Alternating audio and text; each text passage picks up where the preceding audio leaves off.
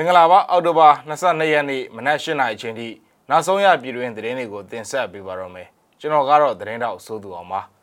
လှိုင်မြို့နယ်73ရက်ကွက်ကဒလန်ဆိုသူတနက်နဲ့ပြစ်သက်ခံလိုက်ရပါတယ်မင်းတပ်မျိုးမျိုးပြပျောက်ကြားတပ်ပွဲမှာစစ်ကောင်စီတပ်သား2ယောက်သေပြီး4ယောက်ဒဏ်ရာရကြောင်း CDF ကပြောပါတယ်ကရင်ပြည်နယ်မှာလည်းစစ်ကောင်စီဘက်က2ယောက်သေပြန်ပါတယ်စစ်ရေးတင်မနေလို့ကလေးကံကောလမ်းပိုင်းမှာ ဖျက်တမ်းတော်လာခြင်းမလုပ်သေးကြဖို့ PDF တီကပြောလိုက်ပါတယ်။နိုင်ငံတကာသတင်းတွေဘက်မှာတော့ဆီးရီးယားနိုင်ငံဒမတ်စကတ်မြို့မှာစစ်ဘက်သုံးဘတ်စကားပေါ်မှာဘုံပေါက်ကွဲလို့လူ14ယောက်သေဆုံးခဲ့ရပါတယ်။ဒီအကြောင်းတွေပါဝင်တဲ့နောက်ဆုံးရပြည်တွင်နဲ့နိုင်ငံတကာသတင်းတွေကိုတင်ဆက်ပေးပါတော့မယ်။ကလေးမျိုးတောင်ပိုင်းကြေးရွာတွေရဲ့လမ်းဘေးမှာယမနေ့ညပိုင်းတွေကစစ်ရေးတင်းမာနေတဲ့အတွက်ကလေးကံကောလမ်းပိုင်းမှာ အောက်တိုဘာ22ရက်ည8နာရီကစတင်လို့ဖြတ်တန်းတော်လာခြင်းမပြုဖို့ PDF ကသတိပေးလိုက်ပါတယ်။ဖြတ်တန်းတော်လာတဲ့မော်တော်ယာဉ်တွေအနေနဲ့အချိန်မရွေးဖြစ်ပွားလာနိုင်တဲ့တိုက်ပွဲတွေအတွင်းပြစ်ခတ်တိုက်ခိုက်ခံရနိုင်ကြောင်းကလေးကာကွယ်တပ် Ranger ကလေး Defense Force ကသတိပေးထုတ်ပြန်ခဲ့တာပါ။ဟာခါဘတ်ကိုတက်ဖို့ဒီညကလေးမျိုးဘက်ကနေစစ်ကားတွေအများအပြားထွက်လာတယ်။တရင်ရလို့ကြိုပြီးတော့သတိပေးတဲ့သဘောပါလို့ Ranger ကလေး Defense Force တာဝန်ရှိတဲ့သူကဆိုပါတယ်။အဆိုပါကလေးကံကောလမ်းပိုင်းမှာပြန်လည်သွာလာနိုင်မဲ့အခြေအနေအချိန်ခါကိုထပ်မံကြီးညာပေးမှဖြစ်တယ်လို့လည်းပြောပါတယ်။ဒါကြောင့်တတိပေးချက်ကိုလိုင်းနာခြင်းမရှိတဲ့မော်တော်ယာဉ်တွေတစုံတရာထိခိုက်ပျက်စီးပြီးဆိုရင် Ranger ကလေး Defense Force ကတာဝန်ယူဖြည့်ရှင်းပေးမှာမဟုတ်ကြောင်းကိုလည်းအသိပေးရေးသားထားပါတယ်ခင်ဗျာ။ရန်ကုန်တိုင်းဒေသကြီးလှိုင်မြို့နယ်အမှတ်73ရပ်ကွက်ရှိ ရက်ကွက်နေပြည်သူတွေကဒလန်ဆိုပြီးသတ်မှတ်ထားတဲ့ဦးသိန်းဦးဆိုသူကိုတီရီမြိုင်ဘူရာနာမှာရန်ကုန်မြို့ပြတော်လိုင်းတပ်ဖွဲ့ RUR ကအောက်တိုဘာ22ရက်ညနေပိုင်းမှာပြစ်ခတ်ခဲ့ကြောင်းသိရပါတယ်။သူ့ကိုလစ်လျူရှုပေးတာကြာပြီးတဖြည်းဖြည်းနဲ့ပို့ပြီးလှုပ်လာတာကြောင့်ရှင်းလင်းလိုက်ရတာသူကကားပေါ်မှာထိုင်နေတာပါအဲ့ဒီတော့ဝင်ရှင်းခဲ့လိုက်တာပေါ့လို့ RUR အဖွဲ့ရဲ့ပြောရေးဆိုခွင့်ရှိသူကဆိုပါတယ်။ ဦးသိန်းဦးကိုသူ့ရဲ့ကားလို့ယူဆရတဲ့တက်စီပေါ်မှာတကားဖွင့်ပြီးထိုင်နေစဉ်နှထင်နဲ့လေပင်ကိုတနက်နဲ့နှစ်ချက်ပြစ်ခတ်ခဲ့တာကြောင့်နေရာမှာပဲတေဆုံးခဲ့တာပါသူကသတင်းပေးအကြီးစားသူ့ကြောင့်အဖမ်းခံရသူတွေအများကြီးရှိတယ်တက်စီမောင်းသလိုလိုနဲ့သတင်းတွေယူနေတာလို့ဒေသခံတယောက်ကလည်းမှတ်ချက်ပြုပါတယ်အရာတော်မြို့နယ်အောင်သာကုန်းကျေးရွာနားမှာရှိတဲ့မိုင်းတဲတာဝါတိုင်းတစ်ခုကို အောက်တိုဘာ22ရက်နေ့လယ်ပိုင်းကအရာတော် PDF တပ်ဖွဲ့နဲ့တပင်းညိုပျောက်ကြားတပ်ဖွဲ့တို့ကဖောက်ခွဲပျက်စီးခဲ့ကြောင်းသိရပါတယ်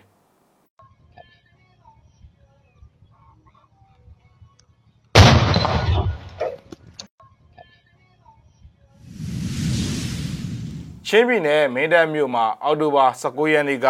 တိုက်ပွဲတွေပြန်လည်ဖြစ်ပွားရာစစ်ကောင်စီတပ်သား2ယောက်သေပြီး4ယောက်ဒဏ်ရာရကြောင်း မင်းတပ်မြို့ပြည်သူ့အုပ်ချုပ်ရေးတရင်အဖွဲ့နဲ့ CDF မင်းတပ်ရဲ့ပြန်ကြားရေးတာဝန်ခံကမြစည်းမကိုပြောပါတယ်အရင်ကနေဘက်ကရွာတွေမှာစစ်ကောင်စီကစစ်ကြောင်းထိုးတော့အဲ့ဒီဘက်တွေတိုက်ပွဲဖြစ်တယ်အခုကမြို့ပေါ်ငြိမ်နေတော့ CDF မင်းတပ်ဘက်ကပျောက်ကြားတိုက်ပွဲဆင်နွှဲခဲ့တာစစ်ကောင်စီဘက်ကို CDF ကမောင်းပြန်ထိတ်မှတက်ပြီးပြစ်လို့ရတဲ့ငှက်ပြောဖူးဒုံးကြီးအသေးစားလိုမျိုးအီနာကမောင်းပြန်တွေနဲ့တိုက်ခိုက်ခဲ့တယ်ထွေအိုရုံးမှာက ဟိုဘက်ဒီဘက်ပြစ်ခတ်တာမရှိပေမဲ့မိသက်ရုံးနဲ့လာဝကရုံးမှာတော့အပြန်အလှန်ပြစ်ခတ်မှုဖြစ်ခဲ့တယ်စစ်ကောင်စီဘက်ကလက်နက်ကြီးတွေနဲ့ရန်တမ်းပစ်ခတ်တယ်အရင်တိုက်ပွဲတွေက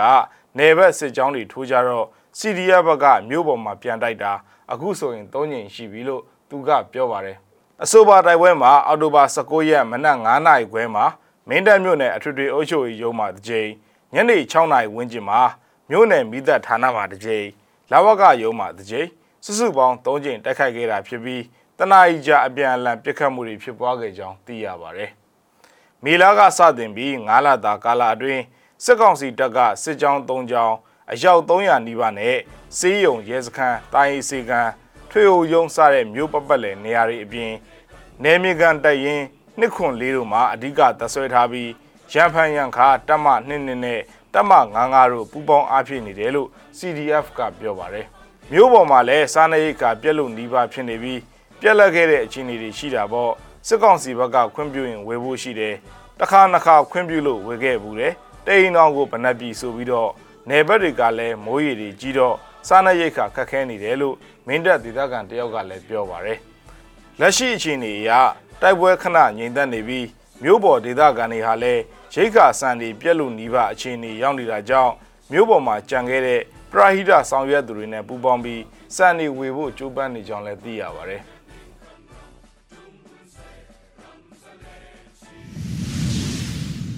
ဆက်လက်ပြီးတော့တိုက်ပွဲသတင်းတပုတ်ကိုပဲတင်ဆက်ပေးကြပါရယ်။ကရင်ပြည်နယ်ဘောလခဲမြို့နယ်နဲ့ရိုင်းကော်မြို့နယ်တွေမှာစစ်ကောင်စီတပ်တွေကိုနှစ်ကြိမ်တိုက်ခိုက်ရာစစ်ကောင်စီဘက်ကတေဆုံးသူအ ਨੇ ဆုံး2ယောက်ရှိတယ်လို့ကရင်နီတော်လိုင်းတပ်တွေကပြောပါရယ်။မွန်လွဲ2နာရီခွဲချိန်က ဘောလခဲမြို့နယ်နန်းဖဲကြီးရွာရဲစခန်းဟောင်းနာနဲ့ကျိုးပင်ကုန်းကြီးရွာအပြင်ဖရူဆိုမြို့နယ်ထားလဲကြီးရွာနီးတို့မှာစစ်ကောင်စီတပ်ရင်နှံကိုကရင်နီတပ်မတော် KA နဲ့ကရင်နီအမျိုးသားများကာကွယ်ရေးတပ် KNDF တို့ပူးပေါင်းပြီးတိုက်ခိုက်ခဲ့တာပါနန်းဖဲကြီးရွာရဲစခန်းဟောင်းအနီးနဲ့ထားလဲကြီးရွာနားမှာတိုက်ပွဲနှစ်ခါဖြစ်တယ်သူတို့ကလွိုင်ကော်ကနေမဲဆဲကိုရိတ်ခါယူသွားတာစစ်ကောင်စီကနှစ်စီးထပ်မနေပြက်စီးတယ်ဆိုတာသိရတယ် လူတွေသေးတာလည်းရှိတယ်အဲ့ဒါကိုတော့အတိမပြုတ်နိုင်ဘူးဒဏ်ရာရတာတော်တော်များများရှိခဲ့တယ်လို့တော့သိရတယ်လို့ KND ရဲ့တာဝန်ရှိတဲ့သူကပြောပါတယ်ညနေ3နာရီဝန်းကျင်အချိန်လောက်မှာလဲရိုင်းကောတက္ကသိုလ်နားမှာစစ်ကောင်စီတပ်တွေဖြန့်ကျက်ထားမှုကိုဒေသခံပြည်သူကာကွယ်ရေးတပ်တွေကမိုင်းခွဲတိုက်ခိုက်ခဲ့ပါသေးတယ်။ KNDF တာဝန်ရှိသူကရိုင်းကောတက္ကသိုလ်မှာမိုင်းဆွဲတိုက်ခိုက်မှုမှာစစ်ကောင်စီက2ယောက်သေတာအတည်ပြုနိုင်တယ်။ ရိုင်ကောမာကသူတို့ကဖြန့်ကျက်ထားတာအဲ့ဒါကိုမိုင်းခွဲလိုက်တာအဲ့ဒီသဘောပါလို့ထမှန်ဖြည့်စွက်ဖြည့်ကြားခဲ့ပါတယ်ခင်ဗျာ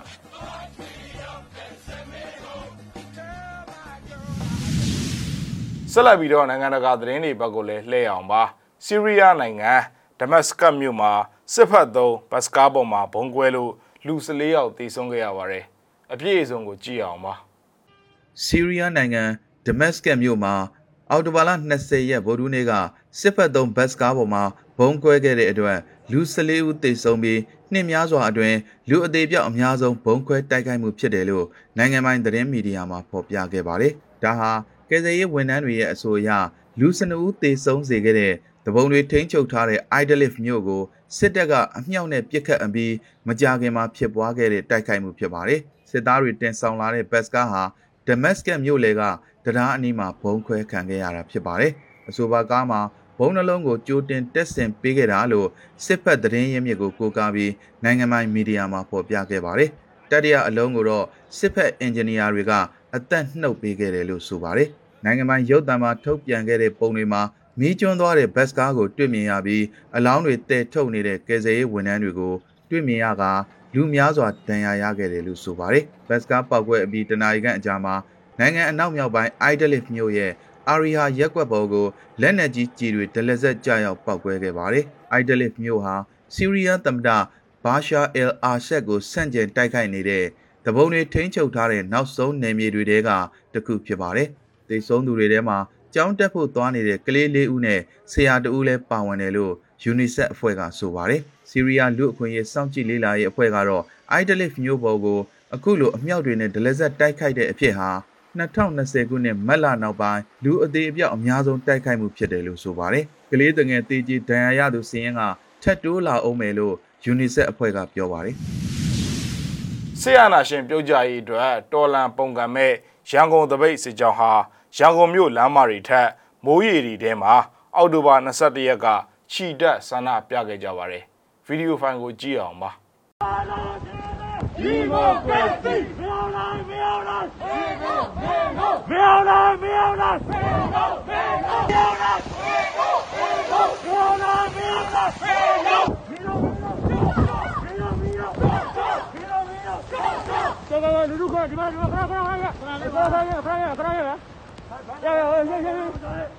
အဲ့ဒါဘယ်လိုဖယ်ဖယ်ဖယ်စားလားရှိရမယ်နော်မရလားမရလားမရလို့မရလို့မရလားမရလားမရလို့မရလို့စပယ်နန်ဒီမဲနေစီမာ TV ကိုကြည့်ရှုခဲ့တဲ့ပရိသတ်သူချင်းစီကိုကျေးဇူးအထူးပဲတင်ရှိပါတယ်ကျွန်တော်တို့သတင်းရည်နဲ့အတူတူပြန်ဆောင်ကြပါဦးမယ်